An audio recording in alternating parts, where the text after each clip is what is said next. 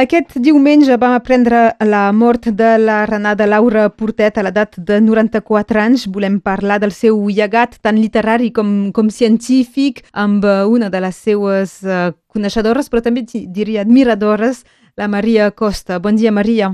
Bon dia, admiradora i sobretot amiga. Doncs eh, em fa molta pena ens hi esperàvem, esclar, però em fa molta pena perquè espero que la gent d'aquí s'adonarà de, de qui era la Renada i de tota la seva aportació a la cultura catalana, a la llengua, al pensament, vull dir de manera general, a les dones, a la nostra història. Fin, ha estat una persona, la Renada, com no en tenim cap altra. És un, una geganta que se'n va. I podem dir tant eh, el vessant literari de, de producció, de, de, de ficció, tinc ganes de dir, però com també de, de recerca. Uh, primer, de, de recerca perquè uh, la Renada li, li interessava la llengua i els, els fenòmens de creació de la llengua, de fabricació. Doncs uh, és una persona que es dedicava a l'etimologia, es dedicava a la toponimia, perquè havia, havia entès de, de sempre uh, la relació entre el pensament de la gent d'un territori i la llengua que parlen. I això ha estat la seva preocupació tota la vida.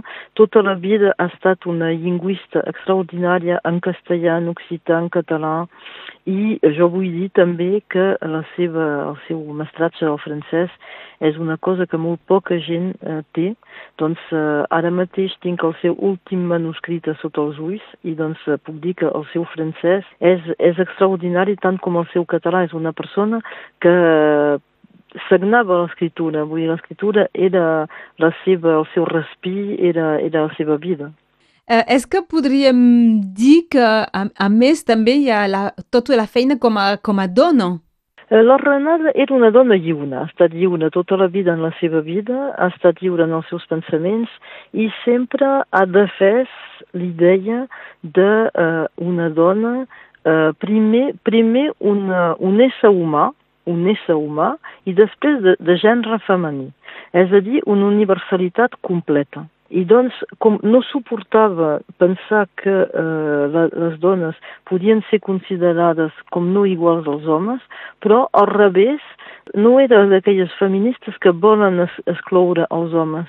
El seu univers era un univers, era una, era una, una, una dona enamorada dels homes. Era una dona que considerava eh, la persona que tenia al davant eh, més enllà del sexe era una persona eh, que podia assumir el seu desig, però que també el podia sublimar. Doncs la, la, la Renada per mi era una persona extraordinària, extraordinària, en el sentit etimològic del, de, de, del mot. I és important subratllar-ho justament encara més quan se parla d'ella. Fa uns anys, quan a l'any dels seus 90, precisament hi va haver tota una sèrie d'actes eh, que, que es van fer a la Universitat mm. de Perpinyà, a l'IEC. Eh, mm. Era també eh, important, interessant que ho hagi pogut uh, viure, que hagi pogut participar, perquè massa sovint uh, la gent se'ls fa homenatges a això ara, una vegada han desaparegut. Uh -huh. Sí, jo penso que tot això li agradava molt, perquè és clar que havia treballat per ser reconeguda, però uh, jo el que tinc, la recança que tinc és pensar que la Renada ha mort sense veure la independència de Catalunya, que era l'única cosa que li interessava a la fi. A la fi l'única cosa que interessava la Renada era pensar si ho veuria o no. I avui estic desesperada de pensar que precisament no ho ha vist. I justament... Em fa molta pena per ella. Justament el darrer acte on se la va veure va ser el dia de d'Òmnium, on va de poder parlar cultural, sí, amb sí. el Puigdemont. Vull dir que mai eh, faré una parafrasi de, del llac, però mai no ens ha mancat el seu alè, mai. La Renada sempre ha estat aquí per totes les lluites, ha estat aquí quan s'ha tractat de defensar altres escriptors, com el Jordi Pere Cerdà al moment de, del Nobel.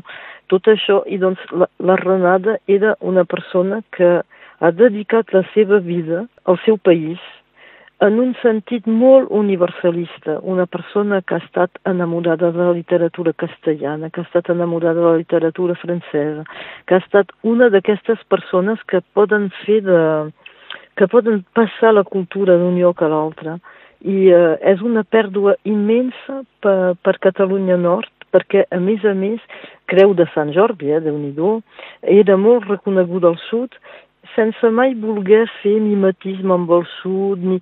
no, no, ha estat una persona conscient de representar al mateix temps una Catalunya global i d'en ser una part dialectal, d'en ser una part eh, especial. Doncs com ho va fer amb la toponimia i eh, com ho feia quan eh, tenia frases fetes extraordinàries que venien eh, dels seus avis. Dir, la Renada és, era un, eh, és una persona que per mi eh, no podrem substituir mai. Abans has parlat de manuscrits, és que en queden? És que hi ha coses que no s'han publicat? No sé què queda. Jo el, el que sé que queda sí perquè el Pere Mans eh, me l'ha portat és un, un manuscrit eh, sobre la pintura, ho dic senzillament, eh, que es diu Le Jardin des Délices, doncs que és en francès i que és una veritable meravella. D'acord. Una veritable meravella. Veurem si, si hi ha publicacions uh, pòstumes Escolta, els propers jo, mesos. Uh, sí que vull fer la publicació, però vull dir sense cap uh, ànim de lucre de res, eh? Però penso que ho cal fer perquè li hem promès, doncs cal fer aquesta, aquesta publicació. I si n'hi ha un dels que ja s'han publicat que, que no ens podem perdre, que si hi ha gent que no l'ha llegit l'ha de llegir, quin seria? N'hi ha tants. Jo m'estimo molt Castell Negre, que és un recull que estimo molt. Després, la seva biografia imaginària de Rigau és, un, és una passada, és, és extraordinària també. Vull dir, tot el que ha escrit la Renada és intel·ligent. Era una dona que, que era tan viva, tan intel·ligent, tan, tan humana i tan... Eh, sempre, sempre a punt de viure coses, eh, tenia una vitalitat, una... Jo no sé com explicar. Era una persona que als 94 anys semblava més viva que una persona de 20. Una mica com la Teresa Rebull tenia aquesta vitalitat, aquesta virtut, aquesta manera de veure la vida, sempre endavant, sempre... No, és una, és una gran pèrdua molt gran. No sé si, no sé si la gent d'aquí serà a l'alçada de, de la dimensió d'aquesta dona. Avui eh, volíem i havíem de, de parlar de Renata Laura Portet i, i ho hem fet amb la Maria Costa. Moltes gràcies, Maria. Moltes gràcies. Adéu, Laura. Adéu.